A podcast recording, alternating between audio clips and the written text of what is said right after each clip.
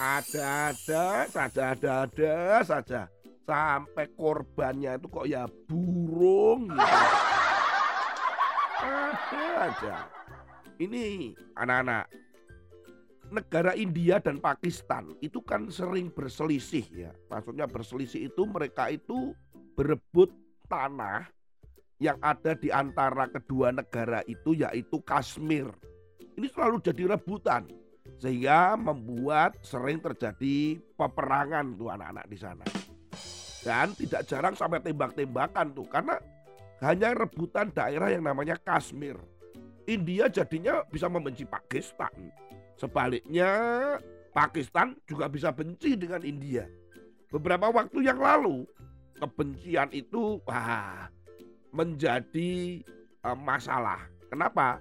Gara-gara kebencian itu seekor burung ditangkap.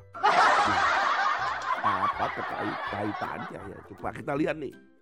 Tahun 2015 yang lalu seorang anak umur 14 tahun di India nih ya menemukan seekor burung merpati yang lagi tidak terbang itu. Mungkin lagi minum es jus atau ngopi gitu ya.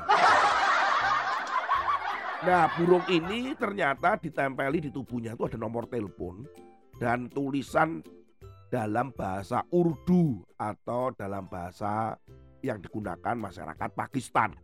Kemudian anak ini menyerahkan burung merpati ini kepada pihak polisi. Tahu nggak apa yang dilakukan oleh polisi?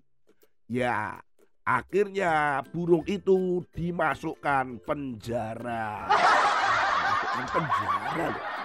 Karena burung ini dituduh mata-mata. Nah ternyata tidak jauh dari berita itu juga tahun 2015 nih. Sama nih di India. Lagi-lagi di India lagi ini kayaknya India ini lucu dalam hal burung. Di negara bagian India yaitu Maharashtra itu terjadi sebuah pelaporan ada seorang perempuan yang sudah tua bernama Janabi. Dia melaporkan anak angkatnya yang menuduh bahwa anak angkatnya yang bernama Sures itu mengajari burung kakak tua yang bernama Harial terus memaki-maki dirinya. Antara perempuan yang bernama Janabi dengan anak angkatnya ini memang kembali lagi terjadi perselisihan. Mereka berebut tanah atau lahan sehingga mereka sering bertengkar.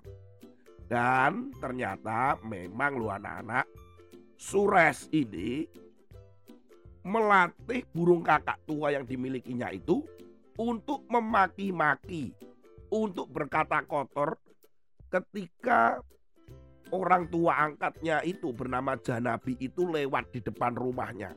Nah kata-kata kotornya apa ya saya? Kak Tony nggak tahu pokoknya itu kata-kata kotor gitu aja lah. Ya mungkin begitu ya. Setiap Junabinya lewat, maka mungkin burung kakak tuanya akan begini.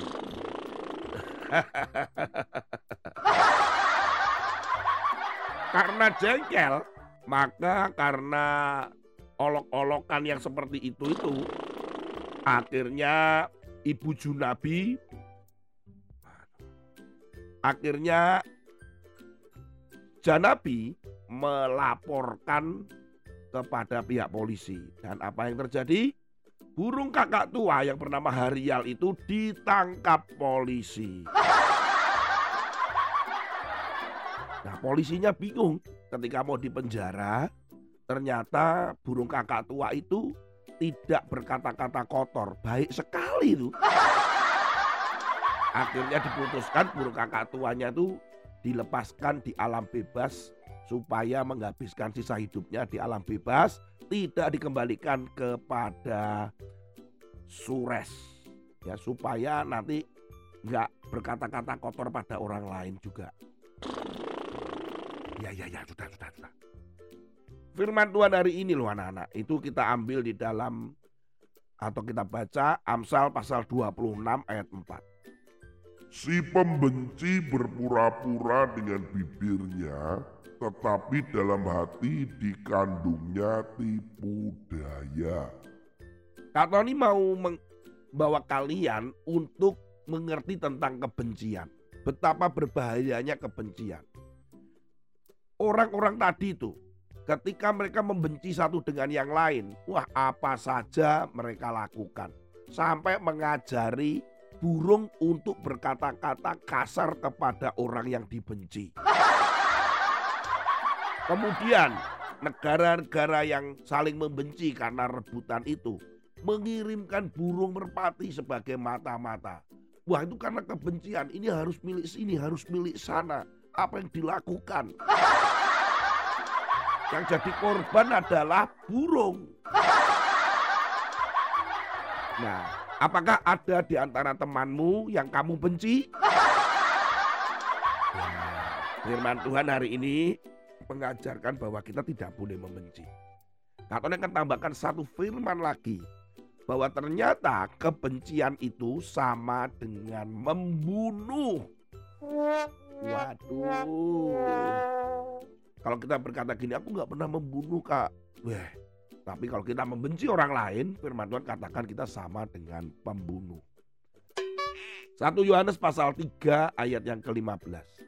Setiap orang yang membenci saudaranya adalah seorang pembunuh manusia. Dan kamu tahu bahwa tidak ada seorang pembunuh yang tetap memiliki hidup yang kekal di dalam dirinya. Hmm, benar kan dengan firman Tuhan yang kita baca tadi? Bahwa membenci saudara kita sama dengan membunuh manusia. membenci, membenci gitu. ya, mari kita harus mengasihi anak-anak, mengasihi teman-teman, mengasihi semua orang. Jangan pernah ada kebencian. Karena kebencian bisa melakukan kejahatan-kejahatan yang lain. Dan firman Tuhan katakan sama dengan membunuh.